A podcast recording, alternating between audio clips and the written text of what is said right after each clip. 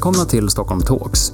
Nu bjuder fastighetsägarna in till samtal om Stockholms framtid. Vi tror det behövs en arena för diskussionen om var den här staden är på väg. Hur rustade är stockholmarna och hur rustade är Stockholm som stad för allting som kommer att hända framöver? Vilka är våra möjligheter och utmaningar? Och inte minst, vad gör stockholmarna glada? Vad gör att våra besökare vill återvända? Du är välkommen att lyssna, men du är också precis lika välkommen att delta i det samtalet som alla stockholmare behöver vara med i. Så, varmt välkommen allihopa till Stockholm Talks. Eh, denna gång 19 samtalet vi har. Och vi kommer idag återkomma till en fråga vi har berört flera gånger tidigare. Såklart om Stockholms framtid, eh, stadens framtid men också besöksnäringens framtid. Och kanske det man skulle kunna kalla för bottenvåningslivet i Stockholm. Och vi gör det, eh, jag ska säga vilken dag det är, vi spelar in det här den 2 februari. Eh, kan vara viktigt att säga eftersom saker och ting sker eh, snabbt och hastigt, men det är också ett kritiskt läge.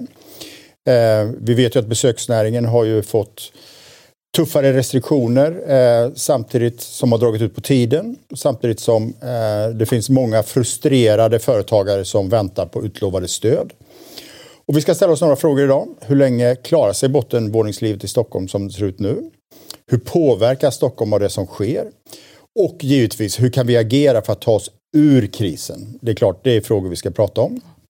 Som alltid har vi fantastiska gäster.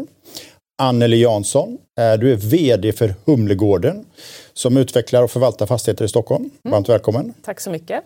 Och PG Nilsson, krögare med eh, flera krogar som ligger i Stockholm. Han har väldigt, väldigt varmt om hjärtat. Rish, Sturehof, Brillo, Lucette och nu senast Aira. Och som vanligt också Oskar Öholm som är VD för Fastighetsägarna i Stockholm. Vi ska försöka knyta ihop säcken eh, efter samtalet. Jag tänkte börja lite grann med dig PG. Vad skulle du säga, hur mår bottenvåningslivet och besöksnäringen i Stockholm just nu? Ja, ungefär som min, eh, min, mina stämband. Jag ska också säga här att, att PG är med på länk eh, så att vi har inte tagit onödiga risker här. Nej, precis. Uh, jag sitter hemma och försöker vara med så gott det går. Jag har uh, visserligen inte covid, det är jag ganska säker på eftersom jag hade antikroppar när jag testade precis före jul. Men något skit har satt sig på stämbanden och då ska man ju hålla sig hemma om man ska precis. följa det som gäller. Men, nej, men bottenvåningen, jag tycker det var för första en bra beskrivning så slipper man hålla på och räkna upp alla branscher som ligger i bottenvåningen. Men, men det som är gemensamt för dem är att de mår riktigt, riktigt dåligt allihopa. Eh, av lite olika skäl kanske, men, men eh, alla som precis som restauranger sysslar med, med att tillhandahålla möjligheter för folk att mötas på olika sätt mår ju dåligt, riktigt dåligt. Handeln mår ju dåligt men gjorde det kanske i viss mån redan innan eh, pandemin och det har ju inte precis blivit bättre av det och andra, andra tjänsteföretag, typ eh, frisörer och nagelsalonger och vad det kan vara mår ju inte värst mycket bättre de. Mm. Anneli, vad säger du? Vad är din bild av bottenvåningslivet i Stockholm just nu? Nej, men den är väldigt samstämmig med hur PG beskriver den. Det är ju många verksamheter som har otroligt tufft just mm. nu. Eh, och det är inte så konstigt med tanke på att stan är nästan tom. Det har gått upp och ner under, den här, under förra året under pandemin. Men när det är få människor som rör sig i stan mm. så finns det ju få människor som ska både handla och använda service och mm. även gå ut och käka på restauranger. Och man också är rekommenderad att stanna hemma. Så det är klart att det är jättetufft för många. Och vad skulle du säga, vad betyder bottenvåningarna för er och för liksom Stockholms attraktion? För att ni fyller ju husen med, med eh, hyresgäster. Mm. De betyder jätte jättemycket. Mm. Jag skulle säga du har liksom inget liv i staden, du har inte några värden på fastigheter och kontoren och de inte fylls av människor för det är det som skapar värde någonstans. Och för att du ska vilja vara inne i stan och vilja vara där det finns kontor och människor så behövs det service, det behövs kultur, det behövs restauranger, det behövs ett levande stadsliv och vi jobbar jättemycket, både vi och många andra fastighetsägare ska jag säga, jobbar med eh, bottenvåningarna, skapa platser, attraktiviteten. Så det, och det blir viktigare och viktigare. Det är också därför vi men, pratar om det. Ja, men känner du att vi befinner oss i ett kritiskt läge just nu? Ja, på ett sätt tycker jag att vi befinner oss i ett kritiskt läge för det kommer vara många verksamheter som går de omkull så får de väldigt svårt att starta om igen. Och, och det är väl, det är väl om, man, om man går till sig själv, det här med att går du och handlar hos din din lokala restaurang eller handlare eller, eller, eller går och storhandlar och, när man säger, och vill du ha kvar den lokala bageriet till exempel, då måste du också handla där. Eh, så det gäller att man går till sig själv också, att man faktiskt utnyttjar det som finns. För all, alla människor ska säga, vill ju ha det nära, det lokala, det trevliga, det mm. som, sånt som vi upplever utomlands till exempel. Och ska Stockholm växa och vara en attraktiv stad eh, för oss alla, då krävs de här bottenvården. Så det är kritiskt på så sätt, absolut. Mm. Och jag ja. vet inte, det vet väl PG, liksom, hur, hur länge de här alla verksamheter kommer kunna klara sig. Mm. Vi ska fråga PG, vad, vad säger du? Du jobbar ju specifikt med besöksnäringen och eh, restauranger och barer. Eh, mm. Vad skulle du säga, hur är situationen där? Ja, alltså antalet eh, konkurser har ju ökat ganska dramatiskt i, i januari. Tyvärr har jag på olika, i olika källor sett helt olika uppgifter så jag vet inte exakt hur mycket. Någon sa 61 procent, någon annan sa 9 procent. Det är ju rätt stor skillnad mellan de två. Men, men man kan konstatera att det är, det är väldigt, väldigt många som redan har börjat kasta in handduken och jag tror att väldigt många fler kommer göra det om inte, om inte stöden når fram nu och väldigt, väldigt snart. Mm. Uh, Precis, du har ju tagit så. initiativ till eh, det som gör att alla, alla vi stockholmare klockan tre varje dag möts av eh, kastruller och grytor som hörs över stan.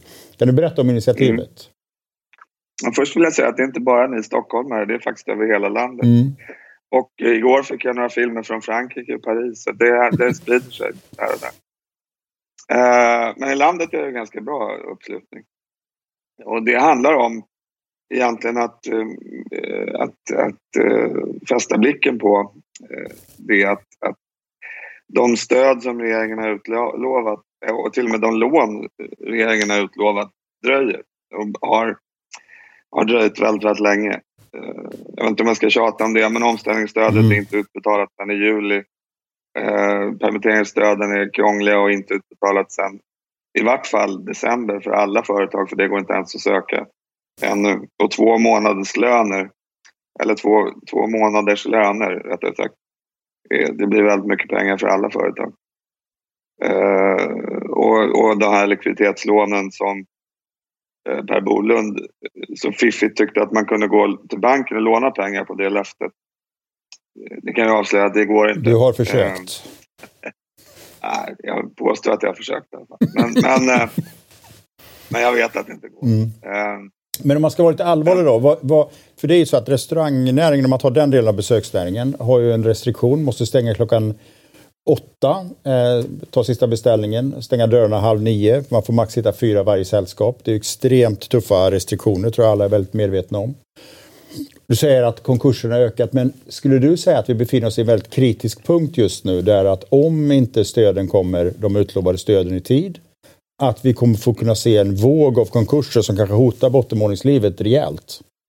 Helt utan tvekan. För, förlåt Per, men jag måste rätta dig en gång till vi har, vi har väldigt många fler eh, restriktioner och de här restriktionerna om alko med alkoholförbuden de är ju bara ett par månader gamla mm. men vi har levt med förbjuden att sälja över bardisk i, mm, i eh, tio månader, elva månader. Vi har, vi har eh, inte ja, kunnat använda mer än hälften av borden i ungefär lika lång tid. Så att branschen har lidit länge och inte bara nu sen det mm. blev eh, uppmärksammat.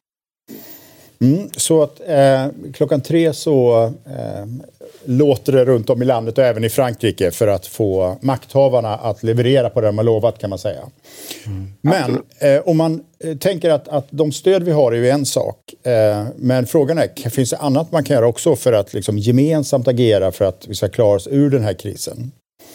Um, och jag vet, jag tänkte Oskar, du har ju, är ju vd för Fastighetsägarna i Stockholm. Du har ju en ganska stor blick över, kan man säga, samtliga fastighetsägare. Vad skulle du säga, finns det ett arbete som pågår där man känner ett gemensamt ansvar för det här? Ja, men det tycker jag att det gör. Tror, så det som har varit ändå intressant under hela den här krisen är ju att, och det hör vi ju lite grann både av PG och Anneli, att, att alla har på något sätt fått en crash course i hur en stad fungerar. Alltså det, man, man har tittat på det där och, och ofta har ju särskilt liksom fastighetsägare och de som bedriver bottenvåningsverksamhet pratat länge om behovet av attraktiva platser och attraktiva städer. Men det har uppfattats lite grann som att det där är någon mysfaktor som ligger ovanpå. Det som har hänt väldigt tydligt är ju att man, man ser ser hur de här cirklarna hänger ihop. Det vill säga att om det helt plötsligt försvinner väldigt många som inte är på kontoret, då försvinner också underlaget för den restaurangen på luncherna. Då försvinner underlaget för de butikerna. Och det där påverkar ju ännu större utsträckning för helt plötsligt så blir det trygghetsfrågor när det börjar bli tomt. Så att, ska man se någonting positivt ur det så tror jag att det finns en, en insikt om att det här, alla pratar samverkan, men den blir förhoppningsvis på allvar när det inte finns något alternativ annat än att samverka. Och där tycker jag att det finns både goda signaler från till exempel Stockholms stad, att man har förstått detta. Det finns en stor vilja, upplever jag, både mellan fastighetsägare av alla möjliga slag och just bottenvåningsoperatörer, om vi nu använder det begreppet. Och vi, vi har haft ett antal sådana inledande möten som jag tycker ändå känns väldigt positivt eh, för att just gå igenom hur, om man vill att den stan ska fungera, då är det tre aktörer som kommer behöva jobba väldigt tätt ihop. Det är de som äger fastigheterna, det är de som bedriver verksamhet verksamhet i fastigheterna och i någon mening om man tittar på staden, de som står för liksom ytorna i mellanrummen. Mm. och vi kommer behöva ha mycket mer kontakt än vad man kanske mm. i en stad där allt har gått så bra. Liksom den, den feta katten måste bli hungrig igen. Mm. sen så skulle man möjligtvis kunna lägga till också att medborgarna har ju också en stor möjlighet att visa genom aktiv Självklart. handling. Eh, mm. både handel, restauration, mm. besöksnäring och så vidare. Vad säger du Anneli, jobbar ni dagligdags aktivt med de här frågorna? Ja, men det skulle jag säga att vi gör. Eh, och det är precis som du säger Oskar, vi har ju pratat jättemycket både på Humlegården men också alla fastighetsägare. Man har ju pratat under många års tid om att man vill bygga stad och man vill vara samhällsaktör, man vill skapa samverkan och det är platssamverkan och platser. Men jag tror det är precis som du säger att nu har man insett vikten av det. Plats, läget har alltid varit viktigt men nu förstår man att det inte är läget, det är faktiskt platsen. Eh, och vi på Humlegården jobbar jättemycket med det. Hur kan man utforma platsen? Vi har ju mycket fastigheter runt Humlegården till exempel. Vad kan vi göra där? Hur kan vi skapa ett attraktivt sammanhang? Och de här placemaking-principerna som finns där du ska ha tio attraktiva saker för att en plats ska bli då just attraktiv. Och vad, vad är det för olika saker för att locka människor? Och det ska vara en trygg plats. Man ska vilja vara där. Människor från alla åldrar, kön och alla liksom ska känna sig mm. välkomna. Och då behövs det ju restauranger, det behövs allt som jag sa, kulturservice. Mm. Jag ska säga så här, den här, det du refererar till, det är egentligen en idé om att en plats för att vara attraktiv ska bestå av tio olika enheter mm. som är, är, attraktiva i sig. Ja, precis. Skulle du säga att, att eh, uppnår vi det exempelvis i Humlegården idag? Nej, det gör vi inte ännu. Nej. Det gör vi inte. Var ligger Nej. vi någonstans då? Mellan 1 till 10, vad skulle du säga? det är svårt att bedöma rankingen där, men det finns ju mycket mer att göra. För om man tittar på själva parken Humlegården mm. så är den fin fast inte kanske 100% trygg och man kan jobba med den mycket, mycket mer vad gäller aktiviteter, kunna vilja vara där även för barn och äldre också. Och inte bara ungdomar som tycker det är roligt att, att vara i parken och många idrottar, det är jättepositivt. Liksom mycket hundar är det, men, men där kan man jobba mycket mer med. Sen har man Engelbrektsplan som är en plats som du egentligen inte går, du bara går igenom. Hur kan man skapa en attraktiv plats där? Och så har du Biblioteksgatan som ena delen är jättefin, men just ner mot, mot Humlegården, där är det som en bakgata. Där kan man också göra mycket vad, mer. Vad ska du säga? Du pratar man kan göra mer. Och ja. var, var, finns det friktion någonstans? Finns det någonstans där där det finns ett motstånd för att åstadkomma eh, det här att göra någonting mer? Ja, men jag skulle säga så här, jag tror inte det finns ett motstånd. Vi jobbar ju nära andra fastighetsägare och Stockholms stad och stadsdelsförvaltning. Men däremot så finns ju inte möjligheterna riktigt att göra någonting. För då kommer du in på det här med offentlig upphandling. Vad får Östermalms stadsdelsförvaltning och Stockholms stad göra? De får inte ge oss möjlighet att utnyttja ytor. För då fastnar man liksom i regelsystem. Mm. Det är sånt som eh, Centrum för ANP jobbar med. Hur kan man komma runt det här för att faktiskt få, få ta, ta ansvar för mm. en plats? Mm. Så viljan finns absolut, ja, det känner jag. Större ja. möjligheter för ja. aktörerna på platsen att ta ansvar för platsen. Precis. PG, du är också styrelseledamot i Visita. Jag tänkte med din utblick utifrån perspektivet eh, besöksnäringens olika delar och sådär. Bortsett då från att, att eh, eh, de utlovade stöden inte kommer i tid. Upplever du mm. att det finns en gemensam vilja från alla aktörer att verkligen försöka mildra effekterna så långt det går av den här krisen? Jo, men det tycker jag.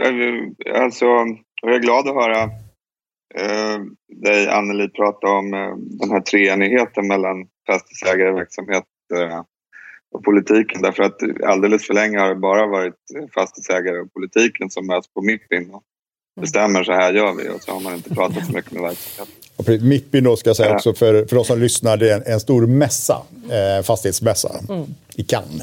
I Cannes? Dessutom. Ja. Den ställdes också ja. in. Mm. Den är inställd. Ja, i år ja. ja. Förlåt. Men, eh, nej men det, det, är ju det är väldigt positivt och jag tycker också att det har eh, visat sig under, under pandemin här och ju längre krisen går egentligen så ökar fastighetsägarnas förståelse för verksamheterna. Mår å ena sidan men också betydelse som du var inne på också Anneli. Um, ehm, och det, det är ju bara om vi liksom jobbar ihop och, och kanske har, jag har varit länge anfört att man måste hitta sätt för fastighetsägare och verksamheter att bättre dela både risk och uppsida. Um, och då säger eh, kanske någon omsättningshyra och då kan man hålla med men, men, uh, men det behövs mer än det. Man behöver dela risk längre än så, tror jag. Vad säger du Anneli? Är du beredd att dela risk?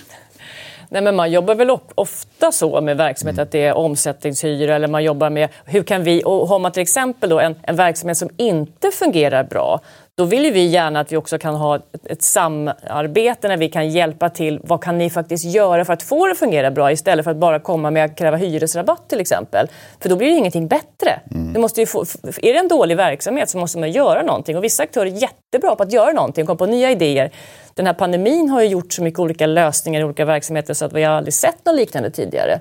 Men vill man inte, då är det en mm. utmaning. Och då, kan ju, då, då måste, det måste vara två enighet där. Båda ska vilja hjälpas åt. Då tänker jag så här. För att ja, men självklart. Ja, mm. ja, men jag, jag, tänker så här att det, det är påtagligt så att, att pandemin har ju medfört en enorm innovationskraft i mm. att försöka hitta nya lösningar på det mesta, digitalisera det som går. Mm.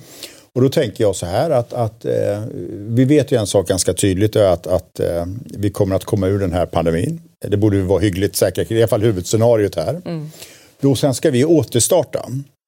Och då tänker jag så här, hur ser vi till att bevara mycket av den här liksom nyfikenheten och innovationshöjden och samarbetet och öppenheten också efter pandemin? Så att vi inte liksom faller tillbaka i gamla hjulspår. Eh, vad tror du kan göra? Liksom, hur ser vi till att återstarta så starkt som möjligt? Jag tror... Vem ställer du frågan till? Ja. Till Anneli först. Sen, ja. Eh, ja. Mm. ja jag, jag, tror att det som vi har varit med om nu, alla individer, alla människor, jag tror att det, kommer, det har liksom gjort en så pass stor förändring så att vi kommer inte gå tillbaka till hur det mm. var exakt tidigare. Lite grann så som, som jag har sagt, som du har sagt Per och som många andra pratar om också, att den här pandemin var en katalysator för de förändringarna vi redan såg. Och det handlar om platser, det handlar om kontor, det handlar om mänskligt beteende, det handlar om att, att digitalisera den tekniken som kan digitaliseras och vi arbetar på andra sätt. Jag tror att det kommer fortsätta till viss del, men vi kommer också gå tillbaka till en del som det var tidigare. För människor är ju vi är rätt bekväma av oss och går lätt tillbaka till sånt som har varit.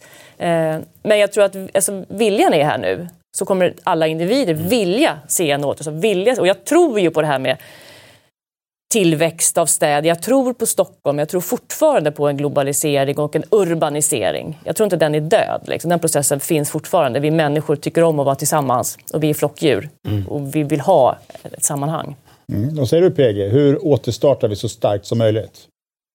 Uh, ja, det krävs ju att konsumtionen kommer igång förstås och det där kan nog återigen regeringen kanske göra mycket genom att dels se till att subventionera eh, verksamheter som, som behöver hjälp och få hjälp att betala tillbaka de lån som man nu har tvungna att ta från staten och från andra. Eh, men det skulle göra kanske ännu mer om, om statsministern med samma emfas och entusiasm som han sa åt folk att boka av och ställa in. Om han kunde uppmana folk att boka på och gå ut när det är dags för det någon gång i framtiden.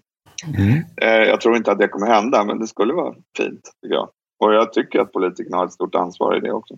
Sen skulle jag bara blixtsnabbt vilja få kommentera det här med delad risk. Jag menar absolut inte rabatter när det går dåligt, utan jag menar långt tidigare att man mellan fastighetsägare och verksamheter måste ha en, eh, en, eh, en, en förnyad diskussion om hur gränsdragningslistan borde se ut. Vem ska ta ansvar för vad när det gäller investeringar? Hur, hur eh, lågt eller högt ska golvet i en omsättningshyra vara? Vad händer i händelse av en katastrof som den här? Alltså idag så har nästan alla hyreskontrakt en force majeure-klausul som är enkelriktad. Den borde gå åt båda hållen. Eh, och hundra andra grejer som jag inte ska trötta med. Mm. Ja, nej, men det, det, är kanske så här föremål för ett helt eget samtal i Stockholm Talks. Ja, men också så här, hur, hur hittar man former för stadsutveckling? Det är egentligen det det handlar om. Där man ser till alla dimensioner och inte tänker läge eller fastighet utan plats. Mm. Och då så här, hur både jobbar man tillsammans men också delar uppsida och risker och så vidare. Så att, kan det finnas all, alla skäl att återkomma till det. Jag tänkte, Oskar, vill du säga någonting? Nej, men jag, jag tänkte just på det här med, vi pratar om om återstarten. Eh, för där finns ju, man kan ju prata korta och långa perspektiv. Vi, vi gjorde ju en sån här bara enkät bland våra medlemmar, så 5 000 fastighetsägare i Stockholmsregionen några månader bara in i pandemin och frågade så här, hur många har vidtagit någon form av åtgärder för att hjälpa liksom, lokalhyresgäster i kris på ett eller annat sätt. Och det var ändå ganska intressant. Två månader in så var det ju ändå, om jag minns rätt, uppåt 80 procent som hade gjort någonting. Eh, så det har ju, fått, det har ju kommit igång eh, diskussioner som har ju handlat om allt ifrån hyresfria perioder till liksom anstånd eller man tittar på öppettider som har stått i kontrakt och sådär. Sen, sen har ju inte det räckt direkt, men det har ju startat en diskussion som kanske kan adressera en del av det här som, som PG pratar om, att man pratar om verksamheterna på ett annat sätt. Mm. Men det jag egentligen ville säga, det är just det här orden vi använder. Jag, jag, har fastnat lite grann för det där med att jag tror inte att återstart och nystart, det är två olika saker. Och jag tror att vi kommer se ganska tydligt att det finns en del saker i stan som verkligen bara på grund av restriktioner och att konsumtionen är liksom begränsad, där det är att trycka på play. Det är liksom lite ja, omstart eller återstart. Och sen så kommer det finnas saker som, som Anneli var inne på, där vi helt plötsligt lever på ett annat sätt och där vi kommer behöva tänka nytt kring både hur de här modellerna ska fungera och platsens erbjudande. Och då är det nystart. Men det, det är två olika olika begrepp. Och det där tror jag, ju längre den här krisen pågår, skillnaden mellan vad som är återstart och vad som är nystart kommer bli större. Mm. Bra, jag ska säga så här. Eh, om vi försöker liksom distansera oss lite från pandemin och pandemins effekter så hela den här idén om Stockholm Talks startade egentligen i början av förra året. Idén var lite grann att vi upplevde att det fanns en brist på framtidsdiskussion om Stockholm och väldigt mycket handlade om nuet. Eh, och vi började ganska fint. Vi hade ett första samtal kring hantverk och liksom framväxten av eh, bryggerier, destillerier. Eh, vad som också kommer bli en väldigt, var slutsatsen då, en viktigare del av bottenvåningslivet. Eh, och hela idén någonstans var att prata så här, vad, vad har vi för vision? Vad har vi för idé om Stockholm? Vad kommer göra Stockholm unikt? Så jag tänkte avsluta lite grann med den frågeställningen där vi alla försöker lyfta oss lite grann och ställa oss frågan så här, vad, är, vad skulle Stockholm kunna bli? Vad gör oss verkligen unika? Vad säger du Anneli? Ja, det var en eh, utmanande fråga. Mm. Men ja, ja, jag tror ju, liksom, Stockholm är ju någonstans en, en, och har varit en fantastisk stad eh, där vi har vi har just det här som vi pratar om, attraktiviteten genom att det är platser, du har kulturlivet som är jättestarkt, det har drivkraft med företag, det har du på andra platser också, men det finns här, det här liksom, det puttrar någonstans i Stockholm. Eh, och du har närhet till vatten och natur och allting, för det har vi också sett nu att människorna vill ha mer och mer av det här nära. Naturalismen. Precis, pre ja men mm. precis. Mm. Och man har blivit också mer kräsen konsument mm. i vad du vill ha för någonting. Du ska köpa hållbara varor, de ska vara närproducerade och allt. Och det får också med den här närhetsprincipen då i Stockholm. Så därför tror jag på den här urbaniseringsprocessen tror jag kommer bli starkare på ett mm. sätt. Eh, och du kan också jobba, du kan också lättare arbeta digitalt med olika lösningar. Så jag tror att Stockholm har alla de förutsättningarna. De har människorna, du har naturen, du har arbetslivet, du har företagen. Det, det handlar egentligen om, att, egentligen om att förstärka väldigt mycket av det som är Stockholms ja, styrkor. Ja, och, och bygga vidare på det. inte minst faktiskt. Mm. Och samla det, mm. jag tror det. Mm. Vi har allt. Vad säger du PG? Ja, jag, jag, håller med om allt för en gångs skull. um, uh, men jag tror också mycket på det här hantverksmässiga, alltså när, nära och, och uh, hållbart börjar liksom bli självklarheter. Och då tänker jag att det skulle vara jäkligt intressant att se framväxt av, eh, av eh, mera jordnära hantverk på, på, både inom min eh, näring där det i, något må, i någon mån redan är det men, men också vore fint att få se silversmeder igen, den som försvann från när man byggde om Östermalmshallen till exempel in på gården där eller eller en skräddare som faktiskt jobbar med att sy kläder i stan. Jag tror mycket på folk är beredda att betala för hållbarhet i den bemärkelsen också. Att, mm. att eh, köpa varor som är producerade på platsen. Mm. Det hoppas jag på. Och en ännu mera, vi har redan en bra kulturscen och en bra konstscen. Jag tror att det kommer bli viktigt att vi fortsätter att förstärka och förbättra det och där tror jag att, att både fastighetsägare och politiker och vi konsumenter kan hjälpa till på alla sätt vi kan. Mm. Ja, Anneli? Jag tänkte på en sak, precis som PG sa, jag håller, jag håller med dig också. Att eh, det som vi, när vi, vi reser ju mycket, svenskar reser ju mycket och det man själv och, och, många man pratar med verkligen älskar, det är ju det här hantverksmässiga. Du går, åker till London och du har skräddare, du åker till Paris och du har, det finns, eh, du kan köpa blommor, du kan köpa, eh, gå till eh, bageriet och handla croissant, allt du har, ny, det finns och du går till slaktaren. Då krävs det ju en densitet av människor och det kan du få på vissa platser och i vissa platser i Stockholm kan du få det. Mm. Så jag håller helt med. Ja, men jag skulle säga, vi hade för, för några avsnitt sedan så hade vi eh, en tjej som har startat Rekoring här i Stockholm. Mm. Alltså det är ju eh, ofta matproducenter utanför städerna som avtalar via Facebookgrupper om att leverera där producenten möter konsumenten. Och det är idag över 100 000 stockholmare som är med i Rekoring. Mm. Så det, det, är också... Jag är med. Ja, du är med, PG. Men just ett sätt att faktiskt skapa ett möte mellan eh, producenten och konsumenten mm. på ett helt nytt sätt. Eh, så att, och det är ju också, har, jag tror att i nästan 40 eh, procent av våra samtal så har det kommit upp det här med hantverk och mm. att det är också kanske någonting nytt i bottenvåningslivet. Mm. Ja. Eh, och det kanske också behöver sina nya modeller. Så att säga, det skapar en attraktion för en plats. Mm. Eh, men alla har olika förutsättningar, olika typer av verksamheter och så vidare. Och I någon mening kan man ju säga att, att det, det, är lite nygammalt. För en del av sakerna är ju så här, det, det, dyker upp saker som fanns för hundra år sedan och som pressades ut ur städerna och som, som nu kommer tillbaka. Men jag tänker också så här, man ska tänka framåt. För vi tänker ofta hantverk som någonting där vi blickar tillbaka. Mm.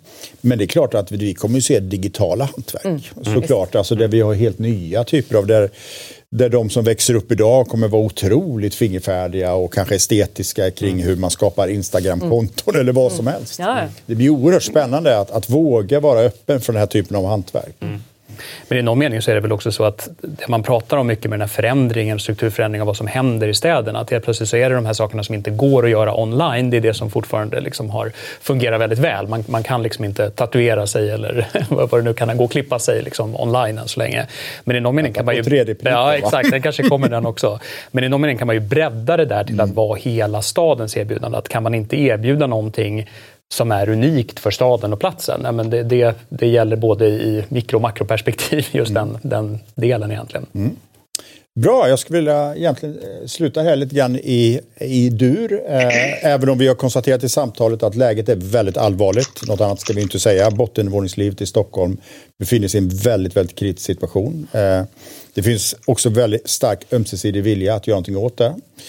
Eh, det finns ett behov som är tydligt från besöksnäringen om att de stöd som är utlovade också måste levereras. Mm. Och det är snabbt. Tack så mycket PG för att du var med via länk. Eh, vi har hört dig hosta lite här. Krya på dig säger vi. Mm. Tack, Tack. Eh, Anneli Jansson för att du var med. Tack. Oskar, vad säger du? Vad är dina reflektioner från det här samtalet? Nej, men lite grann det, det vi inledde med, att, eh, det här att all, alla gillar samverkan men det blir inte allvar förrän, förrän det blir nödvändigt. Och jag tycker att så här, det, det, vi har hört mycket av idag är just att det finns både viljan eh, och insikten i det. Och sen tycker jag så här, man kan på ett sätt tycka att ska man bara sitta och vara så positiv mitt i den här krisen? För det är ju så allvarligt. Men jag tror att man ska komma ihåg att det kommer skilja mycket på hur städer tar sig ut på andra sidan. Och jag tror ändå att man ska minnas att det finns ett par aspekter i Stockholms struktur som tydligt talar för oss. Det ena är ju det här att Stockholm faktiskt, till skillnad från andra storstäder i Sverige, är en så tydlig blandstad. Alltså vi har en stor del av befolkningen som bor i den centrala liksom, staden. Det är en väldigt positiv eh, aspekt. Jag tror att det är uppåt 20 procent som bor i liksom, den centrala staden i Stockholm jämfört med, med liksom, ensiffrigt i Göteborg till exempel. Mm. Eh, jag tror att en sån sak som att det här här är en stad där vi i 20 års tid har pratat om kontorsbristen. Så även om det nu blir diskussion om att man behöver mindre yta så kan ju det här vara det som gör att fler får en möjlighet att få, få kontorsplats i city. Det är också väldigt positivt. Pratar vi om, om handeln, även om mycket av diskussionen är det händer online. Vi bor ändå i en stad där uppåt 40 procent av detaljhandelsomsättningen sker i stadskärnan. Det är liksom mer än dubbelt så mycket som i resten av Sverige. Så den här strukturen som finns i grunden kokar ju ner i en av de här slutsatserna vi har haft i andra samtal. Att det är förmodligen de städer som hade bäst förutsättningar innan krisen som har bäst förutsättningar att komma ut. Och det det kommer in på en del av det här vi har diskuterat idag. Mm, absolut, och jag, jag, tycker också det är intressant, en annan dimension, för det blir väldigt påtagligt det här att utveckling kräver ett engagemang från väldigt många olika parter. Idag har vi egentligen lyssnat på den här treenigheten. Eh, och det som ju vi återkommande också kommer tillbaka till att, att det finns lite grann en avsaknad av ett politiskt ledarskap i meningen som är här i platsen, som vågar ha idéer om, om platsen och vad platsens innehåll ska vara. Mm. Mm. Så det är också någonting intressant. Och jag vet att Anneli idag berörde ju det här liksom, hur man kan också skjuta ner ansvaret till mm. lokala, ibland kallas det för bids och sådär, att, att ge liksom lokala aktörer större, större ansvar. Och det tror jag är en, en stor utmaning för Stockholm framöver. Hur kan mm. vi liksom, fånga den kraft och den potential som finns? Mm. För det finns så otroligt mycket idéer. Mm. Det finns otroligt mycket kapital, det finns otroligt mycket duktiga människor. Det finns fantastiskt vackra platser. Verkligen. Vi har pratat om att det finns många platser som inte används. Mm. Taken, vattenlägen och så vidare. Så det känns lite grann som att, att eh, Stockholm är liksom en, en eh, det är en stor outnyttjad potential. Ja, men det är det. Jag tror att rätt mycket i grunden som all mänsklig aktivitet handlar om också attityd man går in i. Jag tycker så att man tittar på en del av de saker som ändå har hänt om man tittar på Stockholms stad, med hur snabbt det gick att få till en del tillstånd för saker som förut tog liksom år eller månader, oavsett om det var att sätta ut food trucks eller liksom tillstånd för att göra saker. Alltså, där man nu visade att det här går att göra snabbt. Och man kunde ta med en del av den attityden. Eh, Plus att jag vill minnas, jag tror att det var samtal tre. Det var ju Anna mm. Starbrink med. Hon är ju mm. sjukvårdslandstingsråd, eller sjukvårdsregionråd som det heter nu. Och hon sa att bland det mest fantastiska med pandemin, det här var ju ganska tidigt, mm. var att nu så, så gör vi och sen så, så kollar vi om det är enligt regelboken eller inte. Mm, exakt så. Och det, det väl, tror jag är någonting som faktiskt man skulle kunna ta med sig och vara lite mer tillåtande också mm. från liksom, politiken. Mm. Att, att bejaka initiativ mm. och sen fundera på hur förhåller det sig till reglerna. Mm. Och också insikten vill jag säga, liksom nästan avslutningsvis, att det som eh, förståelsen för hur en stad är och fungerar. Alltså så här, vi vet att så här, det händer magiska saker när, när väldigt många människor är på samma plats och det utbyts idéer. Det där vet vi någonstans. Men nu har vi fått en illustration av hur det funkar i praktiken. Jag tror, det kanske till skillnad från PG, att vi kan se statsministern liksom, eh, vara lika tydlig med att säga att folk ska komma tillbaka. För jag upplever att även faktiskt statsråd som aldrig har pratat stadsutvecklingsfrågor eller stadsliv förut, det diskuteras nu. Jag, ibland, jag har ibland fått höra så här, så, så, frågor till fast fastighetsägarna som branschorganisation, där någon har sagt, och politiker som sagt så här, vad kul att ni har börjat prata om stadsutvecklingsfrågor. så här, jag har inte märkt det förrän nu, men nu, nu är frågorna på tapeten på ett annat sätt. Och det är ju i grunden väldigt positivt. Mm. Bra, tack så mycket. Eh, jag tycker vi sätter stopp här. Vi har kunnat fortsätta länge till. Som sagt, läget är väldigt allvarligt, men det finns ljuspunkter där framme eh, och det handlar om vad vi alla gör. Jag tackar till alla er som har lyssnat eh, och de som var med idag. Tack så mycket.